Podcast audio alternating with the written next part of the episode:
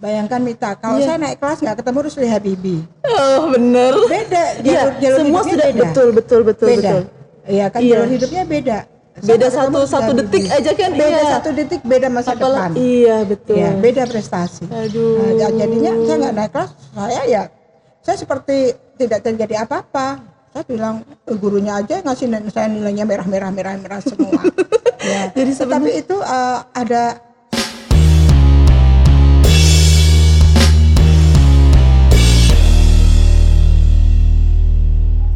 Assalamualaikum warahmatullahi wabarakatuh. Sahabat Kriting, kapan lagi sahabat Kriting dan Kultunesia bisa mendapatkan kesempatan untuk berbincang secara hangat dengan Bunda di pagi hari seperti ini? Untuk itu Bun, bisa nggak ada sesi kiat-kiat suksesnya? Bisa nggak Bun? boleh.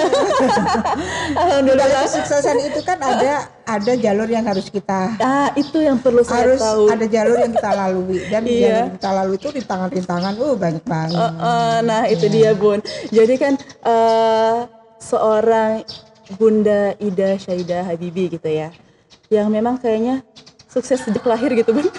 Enggak juga. nah gimana tuh? pernah nggak naik sekolah loh. Seriusan? Heeh. Kelas berapa bun? Kelas 2 SMP.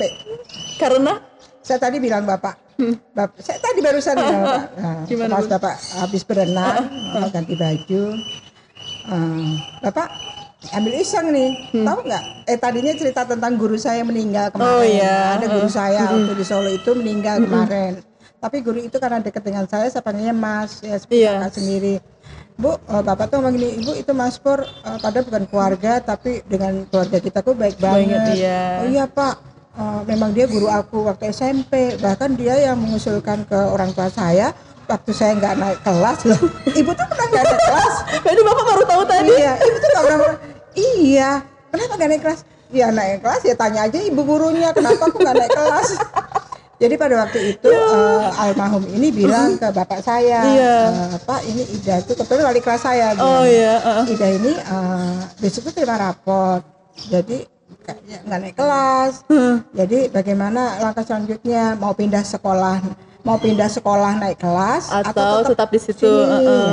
Kata bapak saya, biar saja di sekolah yang lama. Wow. Alasannya apa? Saya sebetulnya malu ya. Iya.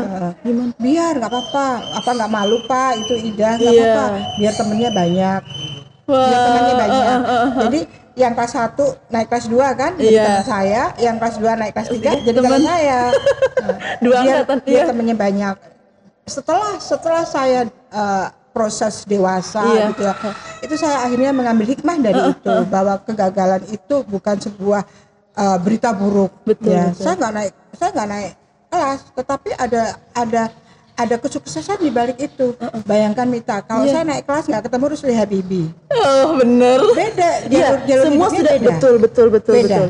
iya kan Iya. jalur hidupnya beda Beda Sama satu satu Habibie. detik aja kan beda iya. satu detik beda masa Apalah- depan Iya betul. Iya, beda prestasi Aduh. Nah, ja- jadinya saya nggak naik kelas saya ya saya seperti tidak terjadi apa-apa saya bilang "Eh, gurunya aja ngasih saya nilainya merah merah merah merah semua ya Jadi tetapi itu eh, ada apa ya proses saya kenapa saya nggak naik kelas Ada hikmah ya? yang luar biasa yang- menim- meni- menimbang saya untuk saya lebih semangat lagi belajar kadang gini loh Mita dalam Bu. sebuah kehidupan rumah tangga anak yang tidak dicerdas di, di sekolah, Sekolah. orang tua itu menganggap bodoh Padahal Padahal tidak seperti itu. Iya. Pendidikan karakter yang utama.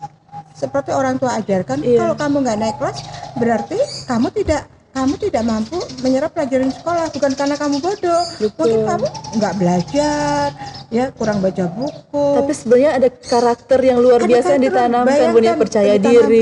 bapak saya itu saya nggak dipindahin sekolah Itulah. Bun Bunda gimana Berarti waktu apa? itu Bun? Berarti apa? Link saya luas sekali. Teman-temannya saya Dua- banyak. iya, eh, nah jaringan itu akhirnya teman-teman saya yang dulu ber- kalau kalau saya naik kelas kan temannya cuma satu kelas. Iya. Cuma heeh, itu doang betul, kan. heeh, Kalau saya nggak naik kelas temennya jadi banyak. Betul. Jadi tambah satu kelas. Heeh. Nah itu yang yang sampai sekarang silaturahmi itu masih ada. Iya. Sampai ada yang jadi dirjen, Iya, ya, jadi deputi. Itu yang sekarang akhirnya membantu saya uh, program-program yang ada di Provinsi Gorontalo Iya benar. akhirnya juga. ada reunian ya Betul betul. Ya, jadi pernah minta kemarin waktu eh, bapak saya meninggal Iya. teman-teman saya SMP itu pada datang di Solo tuh pada datang Jadi mereka bilang, oh, Ida tuh dulu satu kelas sama aku, teman yang satu.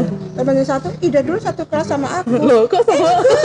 Dia satu kelas sama aku. Tapi kan waktu itu kelas tiga. Aku, aku bilang, iya kalian semua satu kelas sama aku. Karena aku pernah nggak naik kelas. Jadi Mereka dulu tuh kaget. buat rebutan. Angkatan yang mana yang pengen? Iya, angkatan iya, yang- iya. Heeh, angkatan mana nah itu eh, makanya saya sampaikan ke ke ibu-ibu ya yang punya anak remaja yang mungkin anaknya tidak cerdas di sekolah itu bukan hambatan bahwa dia untuk mencapai prestasi. Mungkin ada sesuatu dia belum Rahasia belum belum apa ya belum belum menemukan eh, sistem belajar yang benar. Iya, jangan salahkan cara ya, anaknya. Bu, ya. Mm-mm, caranya. Jangan salahkan anaknya. Saya jatuh di matematika ya kan? Jadi nilai saya memang jelek sekali. Saya ingat tuh merah eh, birunya cuma satu deh kayaknya Masa bu? Iya bener. Ya Allah. Oh, karena saya apa banyak main. Saya kan senang hiking, camping. Wah. Saya tuh hiking, camping, naik gunung itu kerjaan saya. Itu padahal kecerdasan Banyak tersendiri, main. Bun. Iya. Iya. Jadi aduh. Banyak main. Tetapi saya kegiatan pramuka yang gitu-gitu. Ya saya begitu. senang. Wah, Saya iya, senang iya, kegiatan PMI, P- PMR, ya pramuka itu saya memang Iya. Tapi kalau saya waktu zaman sekolahan, waktu SD atau SMP itu ditanya, Ida pengen jadi apa gitu? Nah, itu cita-citanya jadi Ah, apa, Bu? Saya dulu pengen jadi eh, istri dokter. Istri dokter bukan jadi dokter. Enggak. Kenapa Karena pengen jadi istri kalau dokter? dokter saya nggak mungkin otak saya nggak mampu sampai di situ Oke, ya. iya. Saya jadi istri dokter kenapa? Biar dipanggil ibu dokter, bu dokter. bu dokter, bu dokter. Istrinya dok- zaman dulu kan gitu ya. Iya, iya, iya. Suaminya dokter, istrinya dipanggil bu dokter. Iya, iya. Dan Ya, sekarang menjadi istri gubernur gimana? Wah. Nah, jangan itu jadi itu jadi, itu uh, pikiran sangat sederhana sekali Iya, pada waktu iya, itu, iya, iya, ya kan. Pengen jadi istri ibu dokter dan Jadi- ditakdirkan jadi menjadi istri, dokter, ibu gubernur. jadi Istri dokter, biar dipanggil bu dokter, bu dokter gitu. Iya, iya, iya. itu kan saya nggak saya juga nggak nyang- saya nggak berpikiran bahwa saya menikah sama Rusli Habibi yang dulu uh, sekolah di Bandung sama-sama dengan saya di Gorontalo itu di luar pikiran saya Belum- belum di luar sama rencana saya bahwa saya akan Jadi seperti jadi sekarang, Bun. penduduk Gorontalo itu Masih belum saya anak perempuan tunggal loh seriusan pun. iya Dan orang tua mau dibawa aduh, dibawa diboyong ke sini. diboyong ke Iya. sini itu suatu ha- tantangan yang sangat luar biasa Pasti orang tua berat sekali itu, ya bahwa saya harus dampingi suami saya Aduh, ya Seperti itu. Allah. itu jadi untuk untuk generasi muda ya jangan mau enak-enakannya aja Betul ya. jadi minta kemarin waktu saya di Solo ya dua tahun yang lalu saya cari menantu cari menantu Oh, iya, saya iya, iya. laki-laki. Iya, iya, iya. saya kumpulin nih ponakan-ponakan Eh, seleksi. Oh, saya kumpulin ponakan-ponakan teman-teman yang dekat Saya nggak yang punya anak- yang punya anak perempuan gitu ya saya terus saya tanya eh eh, mau nggak jadi menantunya Bude gitu ya Eh, gitu. Bude eh, di Gorontalo ada mall enggak? Ya, ditanya mall. Iya, iya, iya. Terus iya. ada lagi, Bude Kehidupan Gorontalo kan panas, eh nanti pakai AC. Jadi anak-anak sekarang itu harus harus ada mall, harus ada ruangan AC, harus ada yang enak-enak. Gitu. Aku doang bukan bukan Tipenya Bunda. Bukan iya, Calon anak mantu bukan, kriteria bukan anak mantu. ideal, bukan calon mantu ideal. Udah deh cari orang Gorontalo saja. Oke deh. Jadi Akhirnya seperti itu. Padahal waktu itu terjadi. Bunda sendiri perjuangannya luar biasa Iya. untuk ke sini. Tapi Bunda nggak memikirkan panasnya, nggak memikirkan maunya Bunda saat itu langsung siap Panas aja kan dia kalau aja. di kamar bisa pakai AC. Iya. Jadi ibu langsung langsung mau siap menerima bapak Iya. seutuhnya dan tinggal di sini Iya, gitu tinggal Bun itu ya. 2000 2002 ya saya pindah ke Gorontalo. Iya. Berarti waktu waktu dari zaman kecil bahkan sampai ke Gorontalo itu belum terpikir bahwa ibu akan menjadi anggota DPR RI. Ya. Enggak sama sekali. Enggak ada, enggak ada terpikirkan. Enggak ada, enggak ada terpikirkan. Cuman Hmm. gini saya. Itu kok yang di DPR kan cuma duduk-duduk itu dapat duit ya gitu. Kalau di syuting gitu ya, itu kok ada yang ngantuk-ngantuk tuh. Dia banyak kayak dapat duit gitu. Kan gitu aja. Cuman tapi nggak tahu uh, kinerja DPR RI itu bagaimana. Itu iya. waktu itu nggak terbayangkan. jauh banget, Bu, ya. Yang kan DPR RI, DPRD, Provinsi kabupaten, gitu, kota, eh, eh. provinsi tidak terbayangkan. Jadi ini ya eh, ini dukungan dari suami ya, Iya, semuanya kan iya, dukungan dari suami. Tanpa ridho daripada suami ya nggak mungkin saya seperti ini. Iya. Ibu Ya punya amalan sendiri nggak sih bu? Hah? Amalan mungkin Ya, sesuatu sampai bisa ya. rezekinya segitunya Ya, gitu atau apa yang ya, harus masyarakat Gorontalo mencintai saya, Iya, ya kan. Bagaimana bisa Kemudian dicintai, Bu? Ridho, ridho dari suami itu penting sekali, Oke, iya. penting banget ya. Jadi kalau bapak marah itu saya cuma diem. Seriusan Bu? Iya. Sabarnya unlimited gitu. diam aja diam aja biar dia capek sendiri pernah nggak saya pengen buka rahasia nih kalau bapak marah kuping saya saya sumpel pakai kapas Sampai sekarang Bapak nggak tahu. nggak tahu biar saya nggak nggak dengar apa yang diomongin Iya, iya, biar iya. nggak sakit hati Iya, mending Itu sering mending saya lakukan. dengar. Oh, iya. jadi kalau dia. "Hmm, udah satu Nggak main HP, Bu. enggak enggak Enggak, aja gitu ya. takut dibanting Sayang. ntar beli lagi sayang iya bun. Nah untuk bunda sendiri kemudian eh, menularkan kesuksesan itu kepada anak mungkin bun ya. iya Gimana? itu anak saya kan empat Iya, ya dua laki-laki dua perempuan jadi saya apalagi ini zaman covid-19 ini ya alhamdulillah mereka kumpul semua di sini Oh, Ya, iya, tadinya kayak Maharani kuliah di UI ya di Jakarta. Terus eh, Jainal kuliah eh, SMA ya di Al Azhar Iya. ya di Jakarta. Alhamdulillah setelah kumpul ini yang tadinya mereka cuek-cuek cuma di kamar masing-masing. Iya iya. ya cuma di kamar masing-masing. Akhirnya mereka itu kakak adik itu ada tertawanya Jadi ada interaksinya, berantemnya, Bun, ya. ya mereka uh, pergi sama-sama ya jalan-jalan sama-sama. Yang tadi cuek-cuek. Iya, Nah, iya.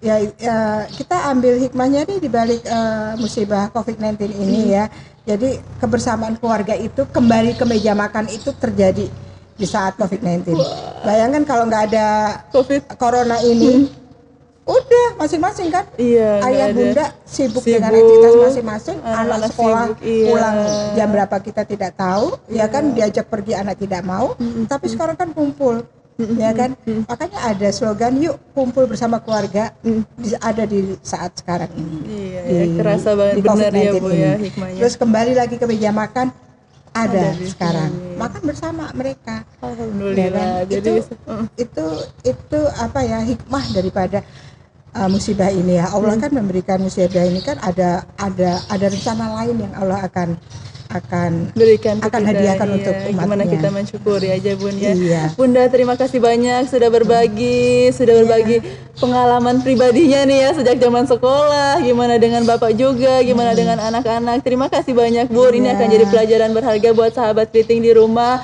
gimana bisa uh, belajar kesabaran dari bunda yang unlimited gimana kemudian dulunya itu juga tidak tidak berpikir untuk sesukses sekarang tapi luar biasa rezekinya luar biasa nasibnya. Tapi sesungguhnya bunda percaya kan gak ada yang kebetulan bahwa ini adalah uh, tidak ada yang kebetulan semua lewat proses ya Betul lewat sebuah sekali. perjuangan. Jadi, kalau tidak uh, berjuang juga tidak akan seperti ini. gimana bunda kemudian uh, berterima kasih sekali punya orang tua yang luar biasa bunda Iya. pendidikan karakternya di bunda? Allah itu kan tidak akan memberikan perubahan bagi seseorang yang hanya ya pangku tangan yang nggak mau berubah tangan. ya wah jadi dan Allah tidak akan memberikan kesepakatan bagi orang yang tidak ingin berubah mm, mm, mm, mm, mm, mm. itu aja intinya Iya, gimana cita-citanya Bunda, gimana kemudian profesinya sekarang. Selamat ya Bu, selamat bertugas dan selamat eh, menjalani hidup yang sangat luar biasa Bun. Semoga iya. tertular kepada kami semua. Mohon doanya juga untuk kesuksesan kami semua. Investing Creative Fit, Kriting. Bye bye.